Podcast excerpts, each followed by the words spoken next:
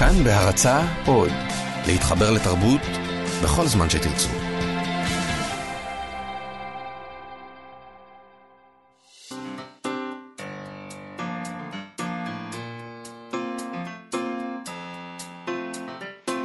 מה שכרוך עם יובל אביבי ומה יעשה לה. שלום, אתם מאזינים למה שכרוך, מגזין הספרות היומי של כאן תרבות. אה, אתם מוזמנים להאזין לנו אה, גם באמצעות האפליקציה של כאן. כאן עוד, חפשו בחנויות האפליקציות את כאן אודי. אה, באפליקציה הזאת תוכלו להאזין לכל התכנים הכי טובים במקום אחד, באיכות טובה ובשידור חי. איתנו באולפן מיטל כהן ותמיר צוברי. ומה יעשה לה? שלום. שלום, נזכיר שאפשר לשלוח אלינו מסרונים בטלפון 055-966 3992. אפשר גם לשלוח אלינו הודעות בעמוד הפייסבוק שלנו, מה שכרוך עם יובל אביבי יעשה לה, ואפשר אפילו לעשות שם לייק. אה, אנחנו נדבר היום עם הסופר והעורך מתן חרמוני על פרס ספיר והשינויים שצריך לעשות, לדעתו, במנגנון הענקת הפרסים בישראל. נדבר גם על הספר הראשון שפרסם נתן שחם, שהיום הוא יום הולדתו. מזל טוב. ועל הביקורת הקשה של חוקר הספרות והמבקר פרופסור ברוך קורצווייל על הספר. אנחנו אחר כך נדבר עם פרופסור ניצה בן ארי על קורצווייל, ועל הביקורת של קורצווייל, ועל המניעים של קורצווייל, ועוד דברים. אה, ונדבר על עוד דברים אם נספיק, כמובן. בואי נתחיל עם ידיעה שקראנו בהארץ, אה, שם מצטטים את אה, העיתון הבריטי הגרדיאן, ומספרים על פרס חדש. שייסדה הסופרת והתסריטאית ברידג'ט לולס, אה, שיוענק למותחן, ספר אה, מתח, שבו אף אישה לא מוכה, מוטרדת, מנוצלת מינית, נאנסת או נרצחת. הזוכה יוכרז ב-25 בנובמבר, היום הבינלאומי נגד אלימות כלפי נשים, ולולס שמממנת בעצמה את הפרס, ששוויו כ-2,800 דולר, תכהן בחבר השופטים לצד השחקנית דון מקיין, דון מקיין, סליחה, שהשתתפה לאחרונה בהפקת סדרה תיעודית של ה-BBC על הסלמה בייצוגי אלימות נגד נשים בטלוויזיה. מה שהן אומרות זה שנשים בסכנת חיים הן מוטיב חוזר באין ספור אומנים שמככבים בפסגת טבלאות רבי המכר. נוצרה תחושה שאלימות כלפי נשים בספרות הבדיונית הגיעה לשיאים מגוחכים, ככה אומרים. אוקיי, okay. אה, uh, ברידג'יט לולס כתבה שהגיע הזמן למשהו מקורי יותר בז'אנר הזה, בשעה שאלימות נגד נשים בספרות בדיונית, uh, עם, כמו שאתה אמרת, uh, מגיעה לשיאים uh, מגוחכים. Uh, הפרס הזה מזמין מותחני, סופרים שכותבים ספרי מתח, לא להידרדר לקלישאות הרגילות של דמויות נשיות המותקפות מינית, ולא משנה כמה זה הכרחי לעלילה. היא אומרת שהיא אה, החליטה לייסד את הפרס אחרי שצפתה בכמה סרטים שהשתמשו בסצנות אונס כדי לקדם את העלילה אה, בטקס פרסי הבפטה הבריטי. חשבתי שאני יכולה לעשות דבר קטן אחד, וחשבתי להתחיל עם ספרים. אם תהיה לי מעט השפעה שם, זה יעזור. יש כל כך הרבה ספרים שבהם נשים נאנסות או נרצחות רק כדי שהבלש או הגיבור יוכלו להפגין את כישוריהם. הפרס נועד כדי שסופרים יחשבו על סיפורים שלא צריכים להסתמך על אלימות מינית. האם אין אף סיפור אחר שאפשר לספר? אני לא היחידה שנמאס לה לחלוטין מתיאורים בדיוניים של אלימות כלפי נשים בספרים, סרטים וטלוויזיה. היא אמרה שזה מהדהד ומנרמל דברים שקורים לנשים במציאות, אבל עובדה שסופרים שמצליחים ליצור מתח ועולמות מורכבים בלי להיכנס לשם. אז סופר המתח אה, אנדרו טיילר אה, הוסיף, אה, טוב מאוד שמישהי מפנה את תשומת הלב לסרטי וספרי פשע שמשמשים באלימות נגד נשים כסוג של מונוסודיום גלוטמט ספרותי. חמוד מונוסודיום גלוטמט ספרותי. כלומר, הוא מסביר כמעצים טעם חסר הצדקה אומנותית או מוסרית, ובסופו של דבר דוחה. אה, לעומתו, סופרת ספרי הפשע ול מקדרם, סליחה, מקדרמיד אמרה, הכעס שאני חשה כלפי אלימות נגד נשים הוא המנוע של חלק ניכר מהכתיבה שלי. כל עוד גברים מבצעים פשעים נוראים נגד נשים, אני אכתוב על זה כדי שזה לא ייעלם מתחת לרדאר, ועם זאת היא הוסיפה, אין שום בעיה לכתוב על הסוגיה מבלי שזה יהיה נצלני או חסר הצדקה, ואני מסכימה שיש הרבה ספרות בדיונית, לא רק ספרי פשע ומותחנים. שבה כמעט עושים גלוריפיקציה לפורנוגרפיה של אלימות, ואני מגנה את זה כאישה וכסופרת. יחד עם זאת, אלו בדרך כלל לא הספרים שזוכים בפרסים. לאסור לחלוטין על כתיבה כזאת, נראה לי כתבוסתנות. לולס, שהיא מייסדת הפרס, היא אומרת שהיא מכירה בכך שלא כל המותחנים שמתארים אלימות נגד נשים עושים זאת בצורה נצלנית או חסרת תכלית. אבל אה, היא אומרת, אה, כמובן יש מותחנים טובים שעוסקים בסוגיה, אבל הפרס לא נועד להם. האופן שבו נשים מיוצגות ביצירות בדיוניות מחלחל לעולם הרחב ומשפיע על היחס כלפי נשים. אנחנו רחוקות מלנצח בקרב הזה, אבל בהחלט יש שינוי באווירה, לאנשים מתחיל להימאס, וזו האלטרנטיבה שאני מציע. יפה, יבורך הפרי. אז אני, אני בעקבות המהפך שחוויתי בזכותך של uh, הפניית uh, כתף קרה לפוליטיקלי קורקט, אני חייב להגיד שמדובר בזוועה. במקרה הטוב מדובר ב, ב, בהטמנת הראש בחול. כאילו אם לא נדבר על התופעות האלה ונתווך אותן באומנות, אז הן לא יהיו קיימות. אפשר פשוט כאילו להגיד שזה לא שם. במקרה הבא זה, במקרה הרע, זה בכלל אה, קונספירציה. אני יודע שאת אוהבת קונספירציות, אז הנה אחת.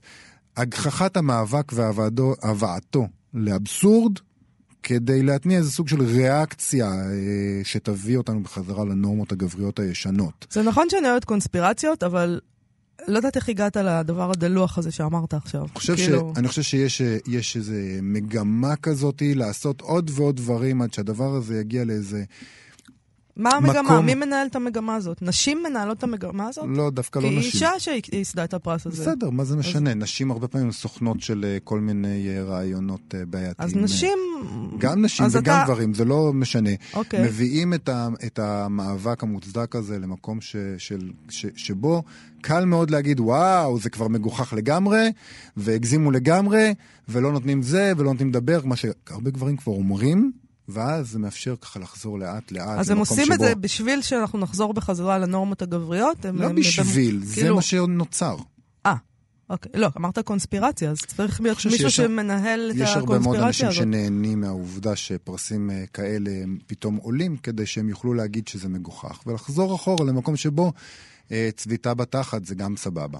Mm. תלוי מי צובט. טוב. בבקשה. אה, נזכיר שאפשר לשלוח לנו הודעות גם בעמוד הפייסבוק שלנו, מה שכרוך עם יובל אביבי ומאיה סלע. אה, בשבוע שעבר, אחרי זכייתה של אה, אסתר פלד בפרס ספיר לשנת 2017 עם הספר פתח גדול מלמטה, כתב הסופר והעורך וחוקר הספרות דוקטור מתן חרמוני אה, פוסט בפייסבוק על רוויזיות שצריכות להתבצע בחלוקת הפרס. שלום מתן חרמוני. שלום, שלום. שלום. אז, שלום. אז מה בעצם הבעיות בפרס ספיר? מה הבעיה בפרס ספיר? תראה, קודם כל אה, חשוב לי לומר שהדברים נכתבו מתוך כבוד גדול גם לפרס, גם לסופרת שזכתה. אה, זה לא ביקורת על הבחירה, זה לא ביקורת על הבחירות. אה, אני מרגיש שמשהו מתפספס עם הפרס בשנים האחרונות. באיזה מובן? במובן... מה... אוקיי, אני מנסה, זהו, אני... כאילו, אני רוצה לשאול אותך מה אתה מציע, אבל לפני זה בוא, אני, אוקיי. אני רוצה לדעת מה הבעיות בעיניך, כדי שאנשים יבינו. אה, אני חושב שזה לא יוצר את ה... זה לא מקבל את תשומת הלב המספיקה, וזה לא... זאת אומרת, אם אנחנו מסתכלים על הפרס כחלק ממערכת גדולה יותר, או בתור איזשהו משאב שיש לספרות אולי משאב עם הכי הרבה כסף ויחסי ציבור וכן הלאה, כן. אני לא יודע עד כמה זה מעורר עניין אצל הקוראים ועד כמה זה מקבל ביטוי, ב... נאמר, בנתוני המכירות. שנוצרת איזושהי סקרנות סביב הפרס וסביב הספרים שמועמדים, רשימה קצרה, רשימה ארוכה, ו... וספר זוכה, שיעודד את הקוראים את הקהל קוראים להחליף את, אני יודע, כתבתי במקרה על אלנה פרנטה אה, בספרים בספרות מקור. לחזור אלינו, אה, לחזור הביתה. מה אבל בדיוק? מתן, אתה, אחד מהדברים, מה שאתה בעצם כותב שם זה שאתה מתקנא בתעשיית הקולנוע ומה שקרה לה בשנים האחרונות. זה, נכון. זה המודל שאתה בעצם אה, מסתכל עליו. כן. שזה... אחר כך למדתי שבמודל הזה יש הרבה, גם הרבה בקיאים, אבל עדיין באופן, אה, באופן אה, כולל וגורף, אה, כן. כן. אז אני, מה, המוד... מה המודל הזה? אם, שנייה, אם אני מגיע פשוט להצגת צהריים של סרט ישראלי והקה, והאולם מלא, אז מישהו עושה שם משהו נכון. כן. Okay. Uh, מה המודל? עכשיו, המודל מבחינת חלוקת הפרסים שם הוא פרס אופיר, שזה פחות או יותר המקבילה לפרס ספיר, זה שיש, uh, שזה פרס התעשייה, שיש אקדמיה לקולנוע, שזה אה, אנשים מתוך התעשייה, אוקיי? שבוחרים את היצירות שהם אה, מעבירים לקדמת, ה, לקדמת הבמה. ולצורך העניין זה במאים, שחקנים, מפיקים, אה, מפיצים אה, וכן הלאה והלאה, ואיכשהו מתוך התעשייה משפיעים על, uh, התעשייה יוצרת את דעת הקהל. כלומר, שאחת הטענות, בוא נגיד שאחת הטענות שלך נגד פרס, נגד פרס ספיר? אז זה לא, שוב, זה לא נגד. אה, פרס ספיר עשה לי בשעתו שירות מאוד גדול. אה, אני חושב שעושים שם דברים אה, באמת טובים, וזה פרס נחוץ. אני חושב שצריך לשנות את המודל. כן, כן, בסדר. אני, אני רק מנסה לה, לה, גם להסביר למי שלא בקיא, אנחנו כאילו יודעים על אנחנו מדברים, אבל למי שלא בקיא, בפרס ספיר, בוועדת, ה, בוועדת הפרס, וגם כתבת את זה בפוסט, יושבים אנשים שהם לא כולם אנשי ספרות, במובן המובהק, נגיד. הם, כן. אני חושב ש... וכשאני אומר אנשי ספרות, אז בואי נחדד את זה קצת. אני חושב שבכל זאת, קודם כל, כדי שהמערכת הספרותית תקבל איזשהו בוסט, איזושהי דחיפה, אני חושב שאולי כדאי, כמו בקולנוע, להתייחס לזה קצת כמו יותר כאל תעשייה. אוקיי. Okay. אה, ואנשים שמרכיבים את ועדת הפרס, ברובם הגדול, כן, זה לא אנשים שבאים מתוך התעשייה.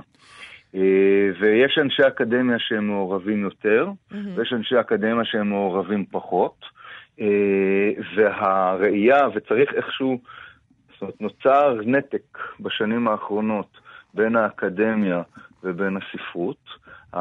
תחומי העניין של האקדמיה הם איכשהו שונים מתחומי העניין של התעשייה. אה, זאת אומרת שאתה, כשאתה אומר לא אנשי ספרות, אתה דווקא לא מדבר על... זאת אומרת, גם אנשי אקדמיה שהם יושבים בפרס ספיר, הם בעיניך כן. באיזשהו אופן לא אנשי ספרות. בחלקם אה, הם אה, לא בדיוק אנשי ספרות. כן, אוקיי. צריך כאילו... איכשהו כשיוצאים מתוך האקדמיה, יש איזושהי תחושה שכולם, אה, אה, שכל מי שמלמד שיעור באוניברסיטה, כן, אז אה, הוא איש אקדמיה, איש ספרות, אפילו כתב, כבר עכשיו הצגתם אותי בתור אה, חוקר ספרות. אני לא חוקר ספרות. אני אמנם מלמד באוניברסיטה, אבל אני לא חוקר ספרות. טוב, אנחנו פשוט אוקיי. החלטנו פה להציג אנשים כן. בתארים שלהם, אה, אתה יודע, ולתת להם אה, כבוד. כן. כן, בגלל שאתה דוקטור, אה, יובל זרק לך גם את החוקר ספרות. אתה יכול להיות חוקר ספרות, מתן. לא, בסדר, אני יכול להיות חוקר ספרות, ואני אכן חקרתי ספרות, מה שנקרא, אבל אוקיי. בשביל להיות חוקר ספרות אתה צריך תקציב, אתה צריך משרה, אתה צריך דברים שאין לי. תגיד, אבל, כן. אבל ציינת את, ה, את הדברים שלמדת מהדיון שהתעורר אצלך בפוסט. אחד כן. הדברים שטענו שם, ו... זה שאי אפשר לעשות את הדבר הזה בפועל, בגלל, ש... בגלל העובדה שלוקח המון המון זמן לקרוא ספר, ויש המון המון ספרים. אני חושב שיוצאים יותר ספרים ממה שמופקים סרטים ישראלים. מצד שני, לוקח הרבה אוקיי. יותר זמן לקרוא אותם. כן. אה, בסדר, אפשר מודל, אפשר מודל אחר, אני לא אומר שדווקא המודל הספציפי הזה, אבל אולי צריך, לטעמי צריך אה, איזשהו מודל שייתן ביטוי לרחשי הלב של באמת התעשייה, ולא... אה, ולא, ולא להוציא את זה, לא מיקור חוץ, מה שנקרא. אם, לא היית, זה... אם היית יכול לבחור כן. את הוועדה של פרס ספיר, מה, מי היה בה? לאו לא, לא דווקא שמות, אבל איזה, מה, סופרים היו שם? מה, מה זה אנשי תעשייה? מו"לים, אה, עורכים? אתה מבין שהם כולם אנשים שיש להם אינטרס, ולכן זאת גם בעיה. גם, גם בתחום הקולנוע, גם באוסקר, גם ב, בכל מקום יש אינטרס. כן. אני חושב שאם מאחדים קבוצה גדולה של, אה, של בעלי אינטרס, כן? Mm-hmm. של אנשים שעוסקים בה, אפשר לשמוע את רחשי הלב, זאת אומרת, בסופו של דבר... אה, איזונים ובלמים כאלה. מה, בסופו של דבר ייבחרו, זאת אומרת, כמה... אה, ספרים ש... אה, אגב, ויכול מאוד להיות שהספרים שנבחרו השנה היו נבחרים גם במודל שאני מציע. אני לא מדבר על התוצאות ואני לא מדבר על סופרים ספציפיים. אני מדבר על איזשהו מהלך גורף כולל, שיחזיר את העניין אל תוך ה... אל הספרות, ו... ויחזיר את הקוראים ל... ל... ל... לספרות המקור. יש טענה שנטענת פה על ידי חלק מהאנשים שאנחנו מראיינים בשנה האחרונה, mm-hmm. שאנשים בורחים מהספרות העברית אה, בגלל הסופרים. כאילו, okay. נגיד אוקיי. טענה שנכונה אה, לגבי חלק מהסופרים, נגיד פרופסור יגאל שוורט למשל טען שהסופרים היום, רבים מהם מסתכלים החוצה, כותבים כבר במבט החוצה, לא כותבים לקהל הישראלי. אתה יודע, סוג הטענות הזה. שזה... כן, שזה... אני, אז, אז אני חושב שהבעיה אם כבר היא, שאם הקהל בורא, נוטש או עוזב את הספרות הישראלית, זה לא בגלל מה שפרופסור שוורץ אה, יגאל, שאנחנו אה, מכירים היטב, אה, אומר. אני חושב שבאיזשהו אופן הספרות קצת איבדה את ה... איך אני אגיד את זה? אני חושב שיש חוזה בין קורא וסופר. ולא תמיד הסופרים מכבדים את, ה, את החוזה הזה. אני חושב שיש כל מיני פונקציות בסיסיות של ספרות שהיא קודם כל צריכה לרגש, היא צריכה לעניין, היא צריכה לגרום לאיזושהי קרבה עם, ה, עם הקורא. ורק אחר כך להיות חכמה, רואה נכוחה וכן הלאה. את כל הדברים האלה צריך להכניס בין השיטים. לא, לא, אלה לא צריכים להיות הדברים שעומדים בחזית. יש איזו פסינציה מוזרה. זאת אומרת, ספרות עברית לא צריכה, ספרות לא צריכה להיות עונש. היא צריכה להיות משהו שאתה קורא ואתה מתמסר לו, ואתה לא, אה, לא צריך, אה, להת... זאת אומרת, כן להתאמץ, אבל הסופר צריך לבוא אל, ה... אל הקורא. כן. ספרות צריכה להיות גם כיף, היא צריכה להיות סקסית, צריכה להיות אה, משהו שמביא את הקורא ואחר כך תהיה חכם. זה לא מבחן איי-קיו. ואני חושב שהרבה אה, הרבה סופרים ומבקרים ואנשי אקדמיה קצת שכחו את הפונקציה הזו בשנים האחרונות. מתן, אתה פותח את, ה, את הפוסט שלך ב, במשפט, אה, אני לא כותב את הדברים האלה מתסכול, כי זה ברור לחלוטין שמיד יגידו, כן, הנה, לא זכית בעצמך ובגלל זה אתה כותב. אני רוצה לשאול, האם אתה הרי כתבת ספר בשנה הרלוונטית לפרס ספיר של שנת נכון. 2017, הוא נשלח ל, ל, לוועדה? בוודאי. הבנתי. והתבאסת רצח? התבאסת? התבאסתי, אה, אם התבאסתי רצח. אה, תראה, אני לא, אני לא חושב שאני צריך את ה, כרגע את הפרס ספיר בשביל להיות ברשימה של פרס ספיר בשביל הכרה. כן, כעסתי, ראיתי מי, ראיתי את הרשימה, אמרתי, אפשר להגיד קוסמה בתוכנית. תגיד. אמרתי, כן, אז אמרתי, אוקיי, יאללה, זה התעצבנתי. קיבלתי טלפון אחר כך מהבנק על האוברדרפט. שוב קיללתי. ראיתי את רשימת השופטים, שוב קיללתי, אבל זה לא, זאת אומרת, אני לא, לא הרגשתי, אני לא מרגיש שאני צריך את ההכרה של פרס ספיר בשביל להמשיך לכתוב, בשביל לקבל את ה... זה, כן, זה מבאס, אבל זה לא... זה לא טרגי. לסיום, אני רוצה לשאול אותך, אתה כבר כותב את הספר הבא שלך? אה... כן. יופי, אז אה, נצפה לו. אוקיי. אז רגע, רק נזכיר, אני חושבת שלא הזכרנו שלספר שהוצאת, שאנחנו קוראים קרבת דם. כן, קרבת דם. ג'ון טרבולטה ואני. אה, נכון, סליחה. ג'ון טרבולטה ואני. כן. בהוצאת כתר. נכון. הוא יצא בהוצאת כתר. תודה רבה לך, כן. מתן חרמוני. תודה רבה. להתראות. ביי. אה, פינתנו ההיסטוריה תשפוט. אה, אנחנו חוזרים היום לנתן שחם, הסופר נתן שחם, שהיום, מזל טוב, חוגג יום הולדת 93. נכון. אה, ביום הוא כמובן מוכר כאחד הסופרים הישראלים החשובים ביותר, בני דור תש"ח שכוננו את השיח הספרותי של אחרי קום המדינה. הוא גם זוכה פרס ראש הממשלה ופרס ישראל לספרות, אבל בסוף שנת 1948, כשהוא בן 23 בלבד, הוא פרסם את קובץ סיפוריו הראשון, דגן ועופרת, ומהר מאוד, חולל מהומה גדולה עם פרסום ביקורת ארסית מאוד של המבקר המיתולוגי פרופסור ברוך קורצווייל בהארץ. הכותרת שלה הפכה להיות מין איזה שם דבר ככה, בוסר סנוביסטי ואפס מנופח. והם, חוש... והם מתלוננים על המבקרים ממש, היום. מה עשינו? בדיוק... אנחנו כאלה מעודנים. ואומרים, הכותרות אה, צהובות. בוסר סנוביסטי ואפס מנופח. לא בכלל במילים קורצווייל. קורצווייל, כן. קורצווייל. ככה הוא כתב, בין השאר. אמ, אי אפשר להתחמק מההכרה המרה שאכן אין כאן עניין של תעתועים, של הלצה, אלא שברצינות גמורה כינסו רשימות תפלות אלה בשם סיפורים.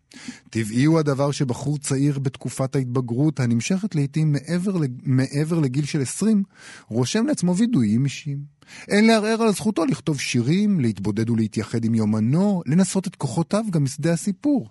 בחוג קטן של ידידיו, רשאי הוא להקריא את בחורי רוחו. כך היה מאז ומתמיד. אמנם, אחרי שנים, נוהגים לשרוף יצירות מסוג זה.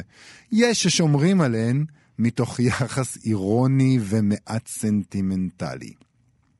אחר כך הוא מוסיף ששחם אינו עומד עוד על משמעותם של יסודות הסיפור, הוא מתחיל מיד בקישוטים של מותרות לפני שהקים בית.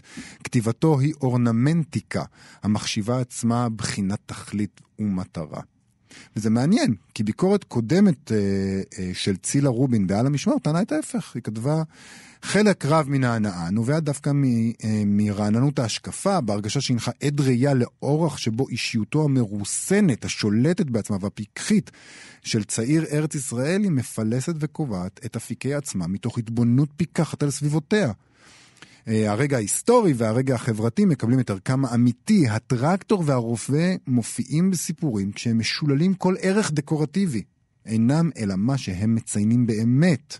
המציאות הארץ-ישראלית, היא כותבת, שהוצגה לא פעם בספרותנו בצבעים של כרומוליטוגרפיה, מופיעה בספר בתור מה שהיא באמת.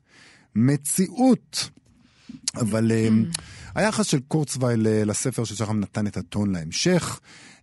בדבר פורסם בהמשך שקורצווייל אינו משכנע כלל בכותבו על שחם. הקורא רשאי לשאול את עצמו, רשאי לשאול, סליחה, מה ערך לביקורת זו בכללה אם יסוד העוקצין שלה משמש מטרה כשלעצמה. זה נשמע קצת מוכר. אני חושבת שזה לא מוכר ולא שייך לימינו, אנו, בעיקר בגלל שאת ההשפעה שהייתה לקורצווייל, המבקר, אין לאף אחד היום. נכון. וטוב שכך. נכון. לא הייתי מעוניינת בה. לא, זה המון למרות אחריות. למרות שכאילו זה, זה אחריות, כן. המון לא. אחריות. לא, לא מי רוצה את זה? אבל, אבל הטענות האלה בהחלט עולות, והנה, הנה, זה תמיד נכון. היה ככה. כן. אה, אז האמת שזה גרר כמה דברים אה, מאוד מאוד אה, נחמדים שאני רוצה להקריא כאן. בבקשה. בעל המשמר יעקב מלקין, אה, פרופסור יעקב מלקין היום, אה, פרסם תחת הכותרת התנפחות אפסית וסנוביזם רקוב, אה, טור שבו הוא מחכה לחלוטין את הטור של קורצווייל, זה מאוד מצחיק. אין כאן עניין של הלצה, אלא דבר שברצינות גמורה.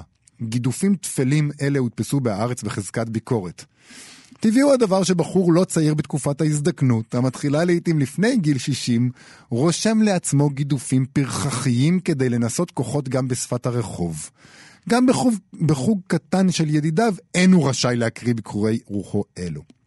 ואומנם אחרי רגעים יש נוהגים לשרוף יצירות מסוג זה. כאן נהפך הדבר למאורע.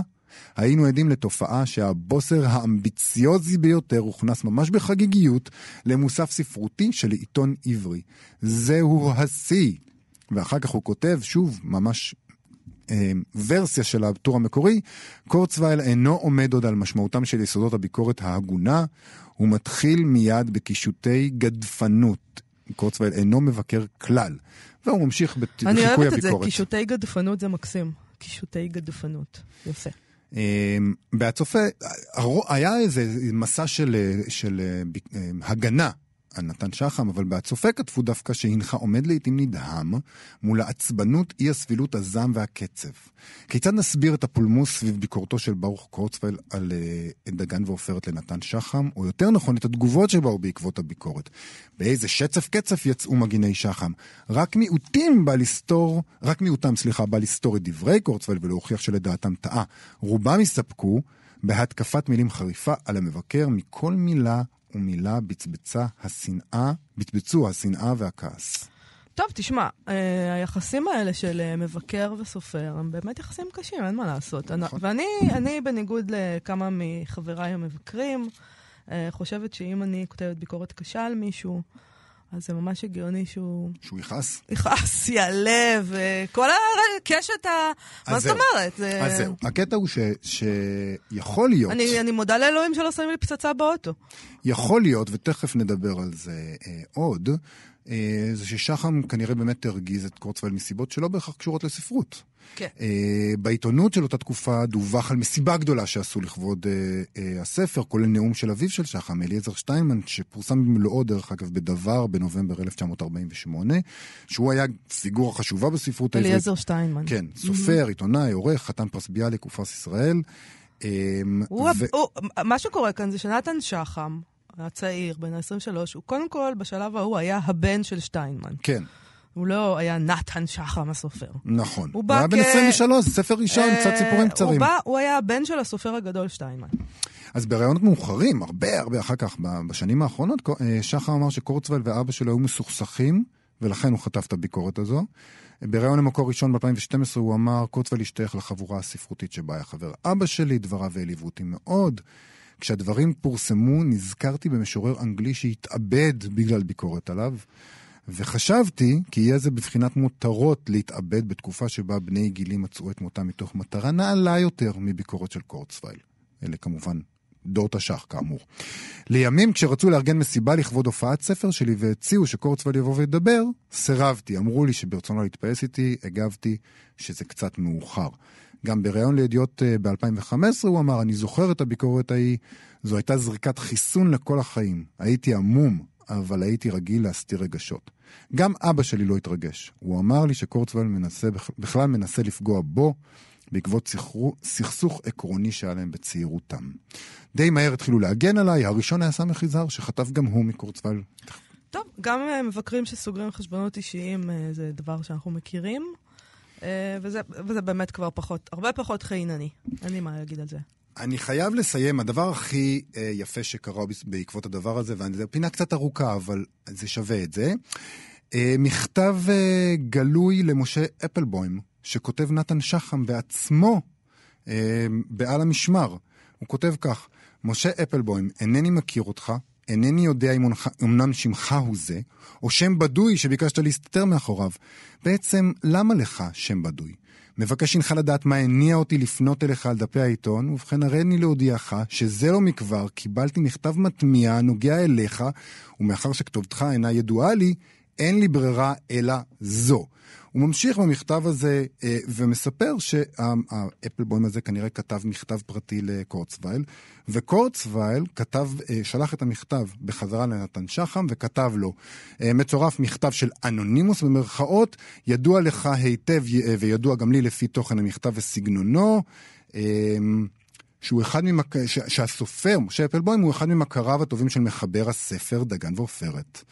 בזה אני מקיים את מצוות השבת אבדה, בכבוד רב, דוקטור ברוך קורצווייל. אז הוא היה דוקטור.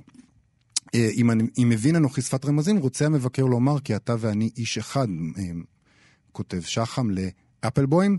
זאת אומרת שהוא כתב מכתב לכאורה, זה מה שקורצווייל אה, חשד בו, ואז הוא מבקש אם תזדמן לחיפה, גש בבקשה לביתו של מבקר הארץ הנ"ל, קח תעודת זהות, אילו ידעת עד מה חשדניים הם בני אדם, והתנצל לפניו על שנכשלת לפקוד אותו בגילוי דעתך. זה נהדר בעיניי. הוא פשוט כתב מכתב, מכתב למישהו אלמוני שהוא בכלל לא הכיר, כדי שילך לקורצווייל ויגיד לו שהוא זה שכתב את המכתב. אנחנו רוצים להמשיך פחות או יותר באותו נושא. פרופסור ניצה בן ארי פרסמה לאחרונה את הספר סמך יזהר, סיפור חיים, חלק ב' בהוצאת אוניברסיטת תל אביב, ואנחנו רוצים לדבר איתה קצת על מה שקורה למי ש... מה שהיה קורה למי שהעז לצאת נגד ברוך קורצווייל בתקופה ההיא. שלום, פרופסור ניצה בן ארי. שלום, שלום. מה, זה היה דבר איום ונורא, נכון? הוא היה... הוא היה כן. השריף של העיירה. כן, הוא היה... הוא לא התחיל מהמעמד הזה, הוא התחיל ממעמד מאוד נמוך, אבל הוא הגיע מבוהמיה, מהשוליים של הקיסרות האוסטרו-הונגרית. את הדוקטורט שלו הוא כתב בפרנקפורט, הוא גם הוסמך לרבנות, והוא ראה בעצמו את האיש המבין בספרות יותר מכל הלבנטינים שיושבים בארץ. כן. כשהוא הגיע לארץ, אז הוא מיד נכנס לקונפליקט עם כל האנשים הגדולים שישבו באוניברסיטה העברית, למשל, עם אה, גרשון שולם, ועם ברגמן, ועם סימון, ועם בובר, הוא לא הסתדר איתם. כי, כי אולי הם לא הסכימו, אותם. אולי הם לא הסכימו לזה. שהוא יודע יותר טוב מהם, אולי זה אה, הפריע להם כן, קצת. כן, אבל הם היו בעיניו אוסטיודנט. אוסטיודנט מבחינתו זה היה מילת הגנאי הגרועה ביותר. חוץ מזה שהם כבר לא היו יהודים דתיים, אלא הם היו חילוניים. בעיניו לא הייתה ישות כזאת יהודי חילוני, כי הוא, למשל, דגל באידיאולוגיה של קרל קראוס, שאמר שמוטב להתנצר אם אתה עוזב את הדת, אז אתה כבר לא יהודי, וסביר שכדאי להתנצר. וואו, אה, אוקיי, כדי כך. מעניין. כן, קרל קראוס היה הדגם של קורצווייל, בעיקר בחדות הלשון ובכתיבתו הצינית והמאוד מתנשאת, ואת המודל הזה הוא אימץ. עכשיו, חוץ מהפרופסורים המכובדים מירושלים, הוא כמובן גם נכנס לקונפליקט עם אנשי המודרנה בארץ, שבראשם עמד, מה לעשות, אליעזר שטיינמן.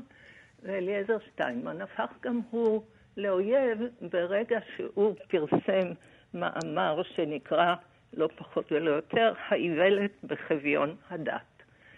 אה, טוב, אז על כל הדברים האלה הוכה בעצם אה, הפלמחניק הצעיר נתן שחר, כן. שהוא ספג את האש. אז הוא באמת כתב ספר, ספר ביקורים, הוא היה אז בן 23, כמו שאמרתם, זה היה, נגיד שזה לא היה הספר הגדול ביותר שנכתב, אבל זה היה הספר הראשון שיצא ב-48 בארץ ישראל הצעירה. Mm, אה, ומיד זכה מקורצווייל לכל הביקורות האפשריות בסגנון קרל קראוס, זאת אומרת, בלעג שוצף ובמילים מאוד קשות. אה, הוא קרא לזה אה, בוסר סנוביסטי ואפס מנופח.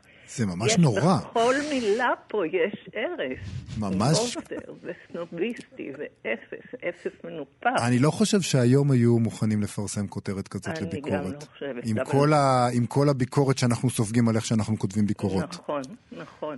אבל בינתיים הוא קנה לו מעמד, כי גרשון שוקן נתן לו מעמד של מבקר בהארץ, וכאן הוא יכול היה להתנקם בכל אויביו. אז הוא ממש השתמש בבמה שלו כדי להתנקם. כן, כן, כן. וסמך יזהר, אני מבינה, רשע. גם אה, חטף שם. סמך יזהר חטף בגלל שהוא יצא ראשון להגנתו של נתן שחם. הוא יצא לא רק להגנתו של הסופר הצעיר, הפלמחניק, אלא גם להגנת הספרות הצעירה בארץ ישראל. ובעצם דחה את הטענה שבארץ ישראל יכולה רק להיכתב ספרות לבנטינית אה, נידחת. וקודם כל הוא, אה, נגיד, אה, ביקר, העביר ביקורת על קורצווייל, שלוקח, שולף ציטוטים מתוך הספר וחושב שבצורה כזאת הוא יכול להגחיך אותו. כן. ואחר כך הוא יצא נגד העובדה שקורצווייל לא יודע לקרוא. זה יהיה גם כשהוא יגונן על הספר שלו עצמו, על ימי ציקלג, שתכף נגיע אליו, אבל שהוא עד כדי כך אה, התנפל על האפס המנופח הזה, שהוא לא ראה שיש מאחוריו גם אה, דברים מאוד עדינים וחיוביים. אז הוא אומר, נמצא לו לברוך קורצווייל איזה נתן שחם להכותו שוק על ירך, וששות כנראה בני מאב על המחץ הרע ועל ההרג הגדול שמחצו והרגו, ואיתו יחד גם בהיעלם אחד, אם כי בין השיטים עוד מישהו פלוני. כן, היה גם ברור לו כמובן שאת החשבון קורצווייל יגיש. לא מחסר. כן. ו- ואז הוא הגיש אותו. ואז הוא הגיש את המאמר הזה, וקורצווייל לא הגיב. אגב, לקח חודש עד שהארץ הסכימו לפרסם את המאמר הזה, עד כדי כך שיזהר פנה גם לדבר בבקשה חריפה לפרסם את המאמר. אוקיי. ומתי הוא שילם על זה? קורצווייל שותק, ואפילו אה, כותב מחמאות קצת פושרות אמנם. ב-54 הוא פרסם מאמר על הספרות הצעירה, וחלק כמה מחמאות פושרות ליזהר. אבל הוא עדיין חיכה. ואחרי שבע שנים של עבודה קשה שיזהר עבד על ימי ציקלג, והוציא אותו לאור כשהוא כמעט חולה מהמאמץ, קורצווייל כבר לא חיכה. ואז הוא ממש ברור שהוא מגיב על הביקורת של יזהר, כי הוא קורא למאמר שלו על יזהר האפופאה של האפס. האפופאה של האפס, כאילו יש פה גם את העניין הזה של הבטוס, כן? אפופאה גדול וזה של אפס קטן ומקטין. כן. וואו.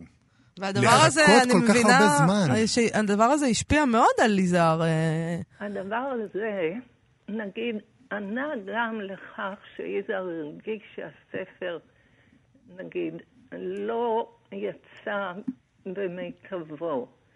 היו לו ספקות, הוא כתב ביומנים שאני מתארת אה, בספר שלי, שאם אם היה לו עורך כמו מקס האגדי, ש... אה, מקסוול פרקינס, שעשה סופרים גדולים כמו תומאס וולף או המינגווי, כן.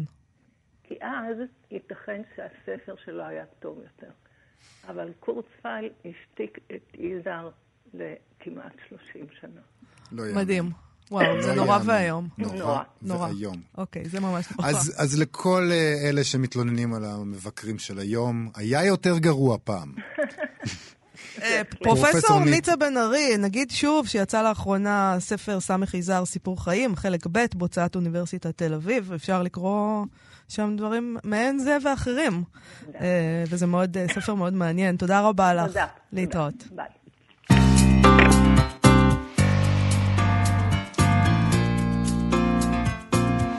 אנחנו איכשהו נשארים בענייני ביקורת, אה, בפינת הסטטוס היומי. אה, אני רוצה להקריא סטטוס של הסופר רובי נמדר, מחבר הספר הבית אשר נחרב, שלאחרונה תורגם לאנגלית ומצליח מאוד בחו"ל. אנחנו ראיינו אותו פה לפני שבוע ומשהו. אה, והוא זכה בפר- בפרס ספיר כמובן וכולי. רובי שיתף תמונה של ביקורות מאמזון על הספר. אתה יודע, יש שם דירוגים כאלה וביקורות של קוראים, שזה דבר מאוד מאוד חשוב. שקורה שם בארצות הברית, אה, והוא הוא שם, אה, הוא הדביק ביקורת של קורא מוכזב, שנתן לספר כוכב בודד בלבד, וכתב כך, באנגלית אמנם, אבל תרגמנו: תיעבתי את הספר, הוא על גבר אנוכי, קר ונצלני, שמאבד את שפיותו. לאט, מאוד לאט. כמו, כמו כן חשבתי שהוא על גבול האנטישמי, כי כל הנשים בו הן בעלות מראה סליחה, כל הנשים בו שהן בעלות מראה יהודי הן לא, מוש... לא מושכות. אולי זו הייתה הצלחה גדולה בישראל, כי הם מסתייגים מיהודי ארצות הברית. אה, כל הדבר הזה נכתב תחת הכותרת, הכתיבה יפה, הצורה יצירתית. אה, אוקיי. כותרת טובה, אבל הציון לא משהו. אה, רובין אמדר כמובן כותב את זה כדי לעודד את קוראיו ולאזן מעט את, אה, את ה... עם ביקורות יותר חיוביות, אבל המצב של הספר לא רע. לפי התמונה שהוא פרסם, רוב הביקורות, 57 אחוזים הם של חמישה כוכבים, והציון הממוצע הוא ארבעה כוכבים, אז הוא בסדר. הספר, הספר הזה מאוד מצליח, ואנחנו דיברנו גם על זה שיש, אה, ביקורות בניו יורק טיימס וכל מיני ביקורות מהללות. אתה יודע, לא נורא שיש גם כמה אנשים שלא אוהבים. בהחלט, תמיד יש מישהו שלא אה, אוהב. בדיון שהתפתח אצלו כתבה מישהי, האמת ששמעתי תגובות דומות לכך מחבריי האמריקאים, שקצת נעלבו מהתיאורים החדים והמדויקים שהענקת להם. אז אתה יודע, יכול להיות שהם נעלבו. זה די מפתיע אה. אותי האמת, כי הוא לא הסופר היהודי הראשון שכותב אה, בצורה ביקורתית ומושחזת על היהודי האמריקאי, הגבר היהודי האמריקאי. אז אולי- למה? אולי הם נעלבו אולי- גם בעבר. אולי הם זה לא נעלבו הפעם בעבר. הראשונה שהם נעלבים. ואולי מה שמציק להם זה שהוא לא אמריקאי, אלא ישראלי, שהיגר לשם ומעז להגיד להם משהו. אם הוא היה נולד שם, כמו וודי אלן, או סול בלו, או פיליפ רוט, אם הוא היה אמריקאי, לא הייתה להם בעיה. אבל מגיע לכאן הזר הזה ומעז לצייר אותנו באור לא חיובי, החוצפה. זה מה אני שהם לא אומרים לו. יכול להיות שזה... כן, אנחנו- לא אוהבים, ש- אף אחד לא אוהב שאיזה זר בא ואומר לו. אתה לא משהו. בסדר, כן? אבל אני חושבת שהם פשוט צריכים להסתכל על עצמם בצורה חדה לא לפחד מביקורת. בהחלט. סיימנו להיום, נכון? בהחלט, כן, סיימנו. אנחנו נהיה כאן שוב מחר ב-12, ברדיו, באינטרנט, ואם אתם מעוניינים, אה, גם באפליקציה, אתם יכולים להוריד אותה בחנויות האפליקציות, כאן אודי. אה, שם תמצאו את כל תוכניות כאן, אה, ואת החדשות, וכל הדברים הטובים שיש לנו. תודה רבה למיטל כהן ולתמיר צוברי, ואנחנו נתראה מחר. ביי. להתראות.